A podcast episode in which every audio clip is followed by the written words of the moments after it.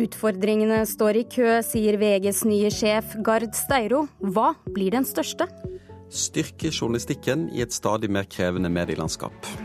Kanoen over norsk kulturarv er ikke noe gledestiltak som vil øke leselysten, mener Nasjonalbibliotekets direktør. Hør debatten. Og kjendiser brukes som trekkplaster i den norske teatervåren. Tankekors, mener vår teaterkritiker. Du hører på Kulturnytt. Mitt navn er Stine Tråholt. Velkommen skal du være. I går ble det altså klart. Torry Pedersen går av som ansvarlig redaktør i VG, og Geir Gard Steiro overtar som leder for en av Norges største aviser. Velkommen til Kulturnytt, og gratulerer med ny jobb, Gard Steiro. Takk skal du ha. Du fikk ett tydelig råd fra din forgjenger i går. Du skal være deg selv og bruke dine styrker. Hva slags medieleder er du? Jeg eh, er vel en uh, tung redaktør, tror jeg. Jeg er opptatt av journalistikken og brenner for journalistikken. Så der skiller jeg meg jo ikke fra Torry Pedersen. Han har òg brent for journalistikken, men jeg har vært en som har vært uh, mer på journalistikken, tettere på journalistikken de siste årene enn det han har vært. Det å være sjefredaktør i VG tar stort sett hele døgnet ditt, sa Tore Pedersen til bransjenettstedet Kampanje. Og det er en krevende oppgave du nå tar fatt på, for mediebransjen er i stor endring. I takt med teknologien og folks brukervaner. Og flere endringer vil det nok bli. Vi skal bare høre her. Jeg har abonnert før på Aftenposten og Dagsavisen og sånn, men eh, det blir til at jeg leser egentlig mest på telefon, da. Internett, liksom. Ja, vi leser jo også aviser på nettbrett, men uh, foreløpig så liker vi å ha det der å holde i. Mobil og nettbrett og PC og TV. Mens stadig færre kjøper papiravis, fortsetter mediene kampen for å finne ut hvordan de skal tjene penger på journalistikk i tida framover. Mer enn en krise vil jeg si at det er en transformasjon. Og vi står midt i den transformasjonen. Og jeg tror at den transformasjonen vil pågå enda i to-tre år. Det sier sjefredaktør i Dagbladet Jon Arne Markussen. 2016 har vært prega av kutt og nedbemanninger i nesten alle mediehus.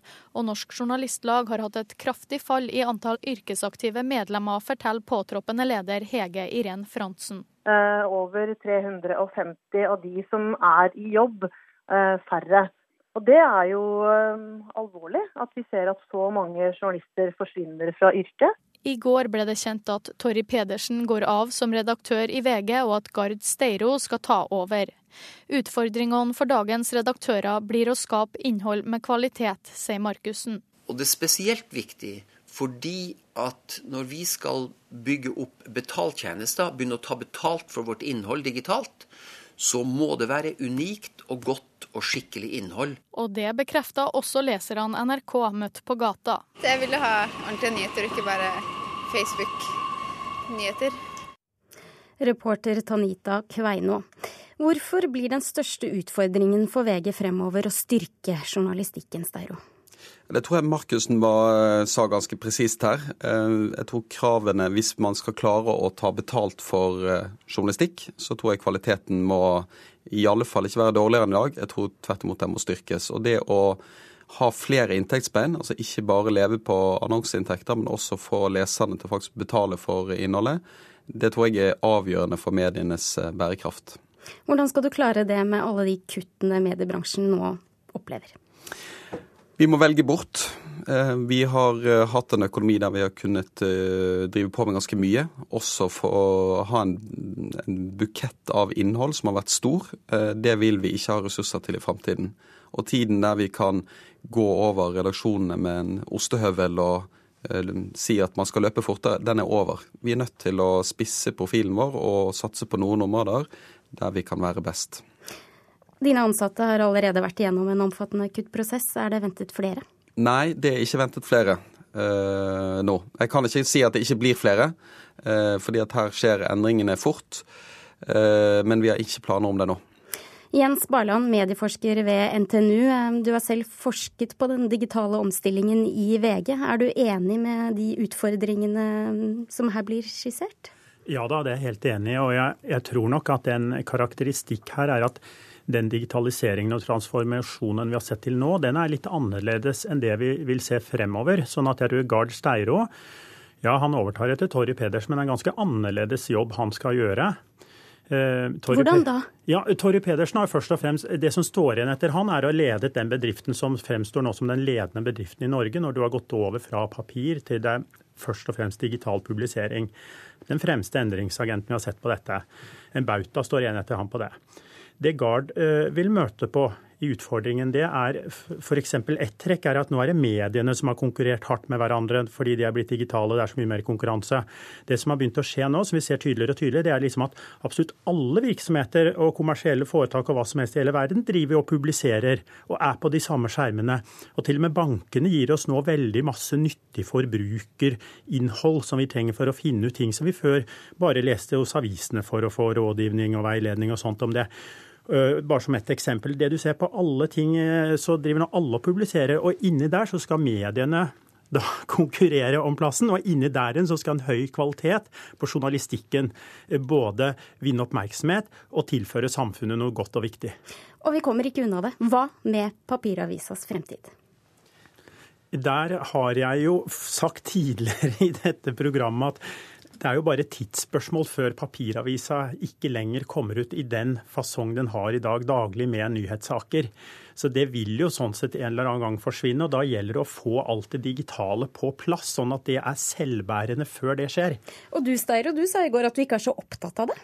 Nei, fordi at, nei, det jeg er ikke opptatt av, er å spå når den skal bort. Altså, Den kommer til å forsvinne. Uh, vi vet bare ikke når. Men det, altså, det, er, et, det er, et, vanskelig spørsmål, for du kan ikke se isolert på tallene til VG eller Aftenposten eller Stavanger Aftenblad. For det bransjen har gjort de siste årene, er jo å samarbeide tettere og tettere om trykking og distribusjon.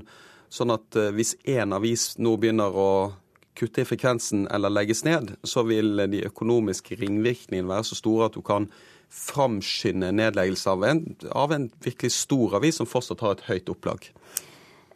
Litt om den rollen Torry Pedersen nå skal ha. For han blir altså en redaktør for Skipsstedet-avisene. Tenker du at han får en sentral rolle som vil også påvirke din redaktøroppgave? Tradisjonelt sett så hører vi jo ikke så mye fra topplederne i, i Skipsted.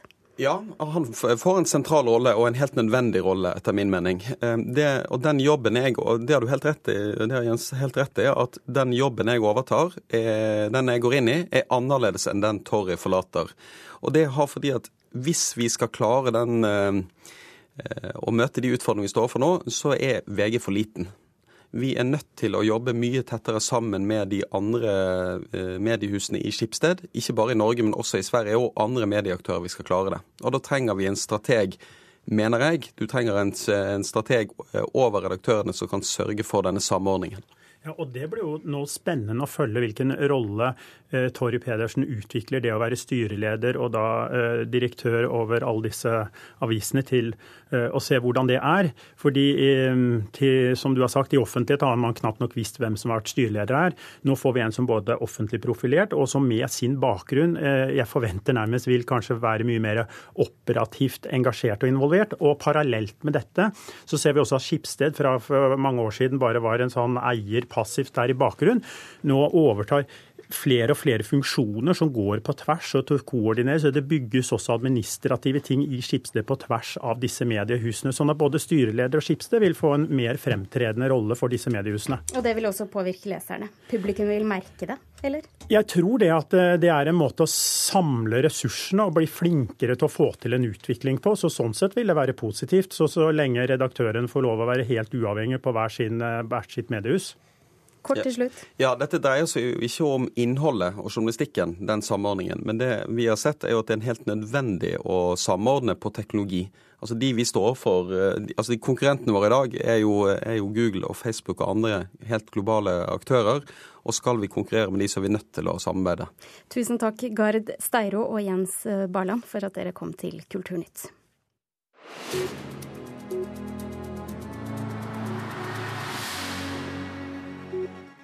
Kulturministeren vil ha en felles nordisk insentivordning for å lokke Hollywood-produsenter til å lage film i Norden. Og reporter Thomas Alverstein Ove, du vet litt mer om hva dette handler om?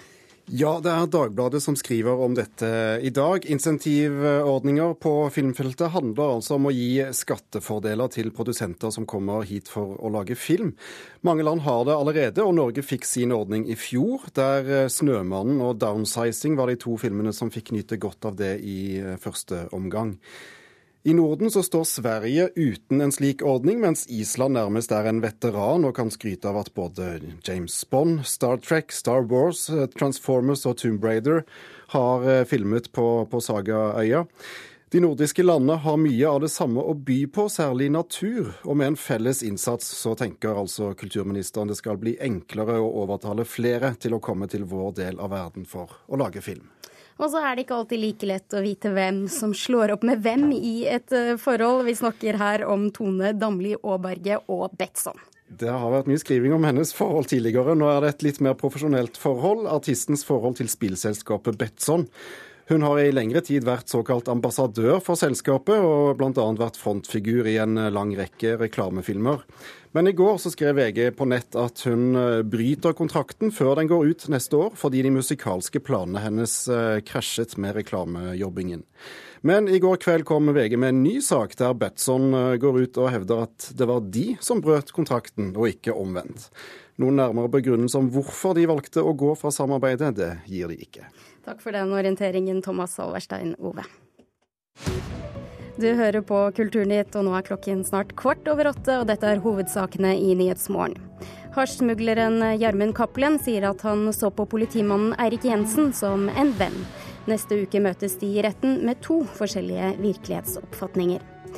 Det er fortsatt misnøye i Hedmark Høyre etter gårsdagens møte med miljøminister Vidar Helgesen. Fylkesleder Lise Berger Svenkerud krever handling i ulvesaken nå, ikke en langvarig prosess med vurdering av lovgivningen. Og alle de 28 beboerne på asylmottaket Gibostad i Troms er evakuert etter brannen i natt. Ingen ble skadd, og brannen er slukket. Hvem skal ut? Ibsen, Munch, Marcus og Martinus eller brudefarten i Hardanger? Som leder av Høyres programkomité tok Torbjørn Røe Isaksen i går til orde for å lage en liste over de mest betydningsfulle delene av norsk kulturarv. Men kunnskapsministerens forslag om å lage en såkalt kulturkanon får blandet mottakelse. Er dette det aller beste vi har? Kan jeg aldri bli annet enn en fremmed for deg. Eller er det dette? Torvald. Da måtte det vidunderligste skje. Eller hva med dette?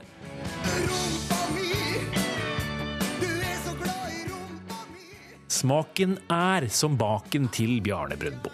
Og da hjelper det heller ikke at vi lever i en tid med stadig raskere endringer og mer ulike referanser, påpekte Røe Isaksen i Kulturnytt i går. Og det tilsier at vi burde ha et felles krafttak og en diskusjon og debatt om det er eh, ja, en kanon, noen bautaer som er ekstra viktige, ekstra fremtredende, som utgjør noe som til sammen er i hvert fall en smakebit på norsk kulturarv. På gata i Oslo var meningene delte om hvorvidt ideene er god eller ikke. Men å diskutere hva som skal med på lista, det engasjerte folk. Operaen. Hamsun. Edvard Munch. 17. mai. Folkemusikk. Bunad, ja. ja bunad. Vigeland må du jo ha med deg. Men med unntak av Frp, som foreslo en slik oversikt allerede for elleve år siden, mente partiene på Stortinget omtrent alle det samme som Venstres Sveinung Rotevatn gjorde i Dagsrevyen. Eh, det syns jeg er en eh, dårlig idé. Eh, rett og slett fordi jeg syns ikke at Torbjørn Røe Isaksen og Linda Helleland skal sitte i regjeringsmøte og debattere hvem som er de største kunstnerne av Edvard Grieg og Marcus og Martinus. På lederplass i dag skriver Aftenposten at en kulturkanon er en god idé. Dagsavisen på sin side mener regjeringen har helt andre utfordringer når det gjelder å lage fellesskap i Norge, enn å lage lister. Overfor Klassekampen kaller valgforsker Anders Todal Jensen kanonideen et kulturpolitisk bomskudd, og mener den fort kan framstå som pensum for det norske folk.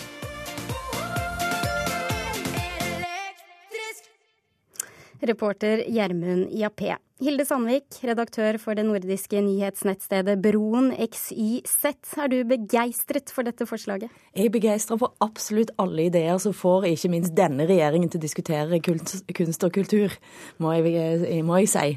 Ja, for hva kan det bringe med seg? Nei, altså det er igjen altså, Når Sveinung Rotevatn sier at dette ikke skal diskuteres inn i korridorene i, i, i, regjeringen nå, så tenker jeg at det er vel kanskje nettopp det en trenger nå.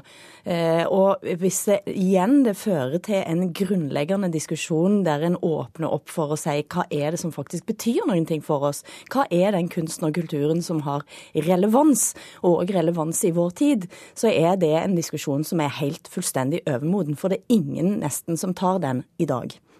Aslak Syra Myhre, direktør for Nasjonalbiblioteket. Vil dette skape et engasjement? Engasjement skaper det nok. Eh, og jeg er varm tilhenger av uh, folkeopplysning og dannelse. Altså Jeg tenker, som Hilde sier, at det å ta tilbake folkeopplysningsidealet i Norge, det er egentlig et stort mål og bør være det for alle. Ikke bare forholde seg til den offentligheten og den stadig mer skiftende samtidige offentligheten, men òg si at vi som samfunn har en behov og et rolle som går ut på at vi skal gi folk mer enn det du klikker på på nettet akkurat nå, akkurat dette øyeblikket. Så det, det, er jeg veldig for.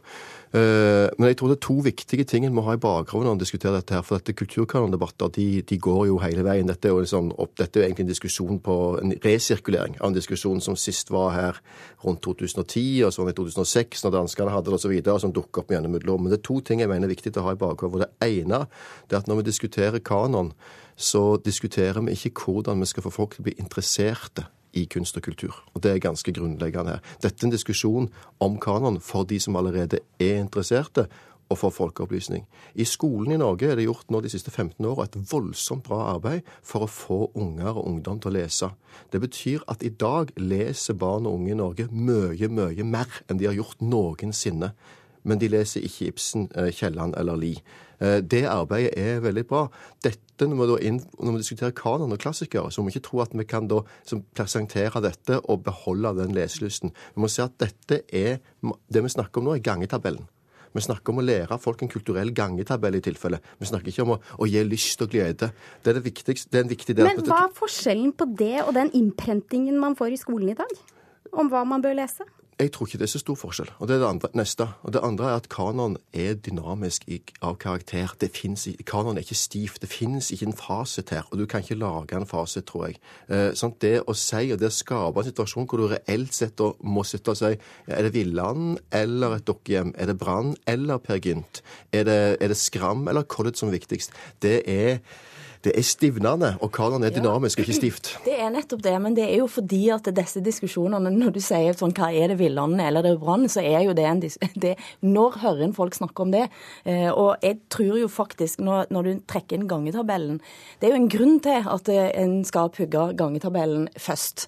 Og den, det er rett og slett fordi at eh, gjør en ikke det, så er det veldig mye seinere i matten som en faktisk ikke får med seg. Og det at jeg måtte sitte og drille på gangetabellen når jeg var liten, det gjør at livet rett og slett blir enklere når du kommer opp i de andre klassene. Men, ja, men, og det er noe med altså den stivnerheten, ja. Men det er jo fordi den, den diskusjonen dukker opp igjen og igjen, at den ikke stivner. Og jeg tror jo òg dessverre det er sånn at Torbjørn Røe Isaksen er den eneste ministeren i denne regjeringen som med en viss tyngde eh, og en viss eh, legitimitet kan, kan diskutere en kanon. Ja, nå er ikke de noen andre her, men Aslak Aslak Sira Myhre, det å legge et grunnlag med en gangetabell, som Hilde Sandvik sier her? Gangetabellen er et grunnlag, men uh, det, det, er en så viktig forskjell her. Uh, og Dette er for så vidt en biting, men jeg tror dessverre ofte at når man diskuterer kanon, så kommer entusiastene, de som liker Olaf Duun kjempegodt, og sier Olaf Duun er så bra, nå bare alle leser Olaf Duun, da kommer alle til å lese mye mer. Og så kommer de som liker Ibsen kjempegodt, og sier at hvis bare alle leste Ibsen mye mer, så ville folk vært mye mer opptatt av tater her i Norge. Og så kommer de som liker Munch veldig godt, og sier at hvis bare alle ungene gjerne fikk se Munch eller snakket om Munch, så alle opptatt av maleri. Men det er ikke sånn det virker. Fordi at det er motsatt. Veien til å lese Ibsen går via Harry Potter.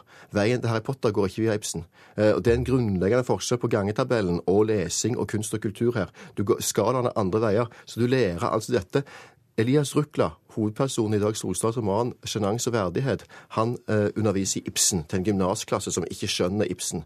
Han sier noe veldig klokt, Elias Rukla. Han skjønner at Ibsen er kjedelig.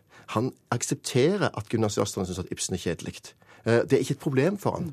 Det som gjør at han eksploderer og blir forbanna, det er at han innser at samfunnet nå har skifta side fra å støtte læreren som underviser kjedelig Ibsen til elevene, til ele være på lag med elevene og si at dette kjedelig, kan vi ikke heller ha noe annet lærer? Og jeg tenker at Det er noe av poenget hvis en kanondebatt eller diskusjon heller kan si at vi støtter læreren som underviser Ibsen, så er det, er det bra. Jeg satt på et foreldremøte på Møhlenpris i Bergen eh, med en, blant annet en far fra Iran som hadde med seg tolk, og som på et tidspunkt Vi snakket om uro i klassen, vi snakket om de som kjeder seg i klassen. Så rakte denne iranske faren opp hånda, og så sa han hva er det med denne norske skolen? Når jeg gikk på skole i Teheran og gikk i sjette klasse, så hadde jeg lest Knut Hamsun. Min sønn på tolv år har aldri hørt om Knut Hamsun. Det er noe galt med den norske skolen, sa han. Eh, Og det ble nokså stilt. Det var den første gang det ble helt stilt i, i, i det rommet. Og, det, og jeg tror han er innom noe. Jeg tror han er innom noe fordi det er noe sånn Hva er det vi, hva er det vi forteller barna våre at det er vesentlig å få med seg? Det skal være og det- helt kort. Ja, det, og det tror jeg også er viktig at hvis, vi da både ikke diskuterer om vi skal lage lister, for at lister er, tenker jeg, først og fremst eh, Det er sånn som Aftenposten lager lister, andre lager lister. Men jeg tenker at hvis vi gir et signal som er sånn det er viktig å ha med dannelse og folkeopplysning og en kulturell ballast i skolen, og undervise dette og gi ungene det, så gir læreplanene i utgangspunktet i dag grunnlaget for det. Spørsmålet er støtten til de som underviser i det, og jeg sier at dette er viktig, at vi som samfunn sier at dette er viktig, og det støtter jeg opp om. Tusen takk, Aslak Syramire og Hilde Sandvik.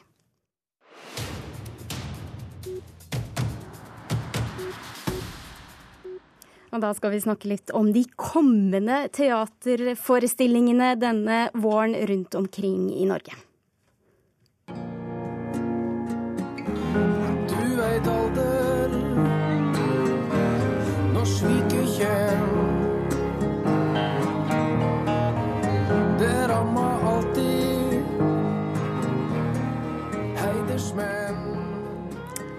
Dette er 'Heidersmenn' av Stein Torleif Bjella, og vi begynner ved Det Norske Teatret, for her um, havner han på scenen. Karen Frøsland Nystøyl, teaterkritiker her i NRK.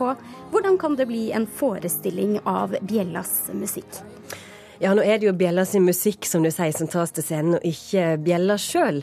Eh, hvordan det kan bli en forestilling av dette Altså, Lasse Kolsrud, som står bak denne forestillinga, han har jobba mye med teater som tar for seg bygde samfunn og små steder før, og han bruker gjerne musikk når han lager disse forestillingene. Han har laga forestilling ut av Bikubesong. Da brukte han The Smiths som et slags eh, musikalsk grunnlag. Og eh, Frode Grytten skrev jo òg 'Sånne som oss'. Da var det John Olav, eh, John Olav Nilsen og gjengen som, eh, som tone, satte tone til det.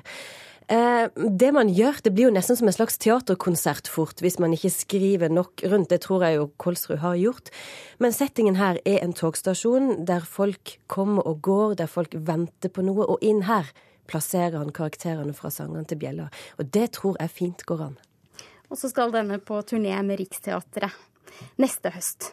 Eh, når du ser Teatervåren under ett, så peker det seg ut en tendens, og det er kjendiser i norske teaterstykker. Eh, kan du gi noen eksempler på det du ser? Ja, eh, der er um, Bertine Zetlitz debuterer jo ved Nationaltheatret i 'Som dere vil' av Shakespeare.